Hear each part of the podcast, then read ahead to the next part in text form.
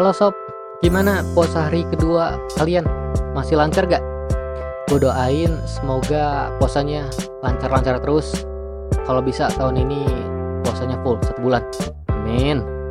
Udah satu bulan di rumah aja, nggak bisa ke mana-mana. Mulai dari anak sekolah, yang kuliah, bahkan beberapa pekerja juga udah pada nggak bisa ngelakuin aktivitas kayak biasanya lagi seperti sebelum adanya COVID-19 karena menurut gua COVID-19 udah berhasil meneror beberapa sektor-sektor penting di kehidupan manusia. Kita kayak di penjara di rumah sendiri nggak bisa ngapa-ngapain. Ya bukannya kita pengen melawan pemerintah atau gimana tapi memang keadaannya juga nggak memungkinkan untuk buat kita beraktivitas di luar gitu. Gue tahu ini nggak gampang sih untuk sebagian orang yang di mana mereka bekerja sehari-hari dan pendapatannya itu cuma untuk uh, memenuhi kebutuhan sehari-harinya. Adanya pandemik itu pasti diawali sama adanya epidemik. Buat kalian yang belum tahu perbedaan antara epidemik dan pandemik, epidemik itu adalah suatu keadaan penularan penyakit atau suatu wabah di dalam suatu kawasan atau suatu wilayah. Misalkan cuma di satu kota doang atau di satu pulau doang, itu disebutnya epidemik tapi kalau cakupannya lebih luas uh, lingkupnya lebih luas itu disebut sebagai pandemik. Pandemik bisa melingkupi sampai satu negara dua negara atau bahkan antar benua. Jadi ratusan puluhan bahkan ratusan negara itu bisa terjangkit sama wabah uh, penyakit itu. Bayangin aja kalau kayak sekarang itu terakhir kali gua baca di internet ya ada sekitar 200 negara lebih yang terkena yang terpapar virus COVID-19 ini. Lalu prosesnya gimana dari epidemik bisa menjadi pandemik? Kan nggak tiba-tiba jadi uh, dari epidemik jadi pandemik, pasti itu melewati prosesnya. Proses tersebut adalah ketika sebuah wilayah atau sebuah uh, kawasan gagal untuk mengatasi wabah tersebut.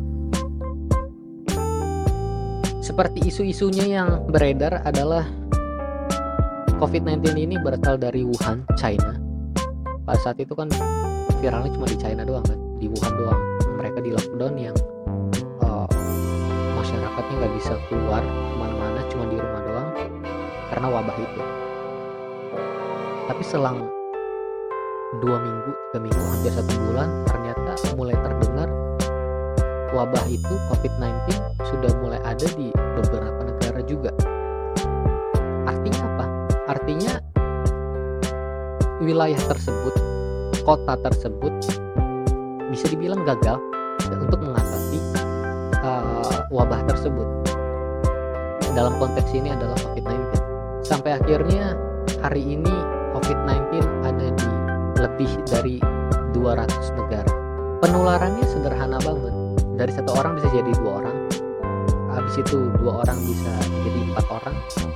Dari empat orang jadi delapan orang 8 ke 16 bayangin dalam waktu yang relatif singkat untuk di negara kita nih di Indonesia satu bulan terakhir itu udah mencapai 8.000 kasus. 8.000 lebih kasus yang tercatat. Dan kita nggak nggak tahu pasti juga apa catatan itu apa data itu valid sampai akhirnya pemerintah harus mengeluarkan keputusan yang lebih tegas lagi. Kalau yang beberapa waktu lalu itu pemerintah cuma sekedar warning doang untuk social distancing untuk menjaga jarak pakai masker cuci tangan.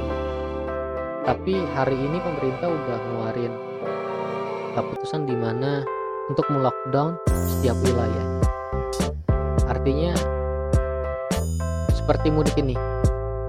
Jadi orang yang dari dalam wilayah nggak bisa keluar wilayah begitupun sebaliknya orang dari luar wilayah nggak bisa masuk ke dalam wilayah. Gue pikir ini salah satu tindakan yang cukup tegas sih untuk mengurangi dampak penularan COVID-19 ini.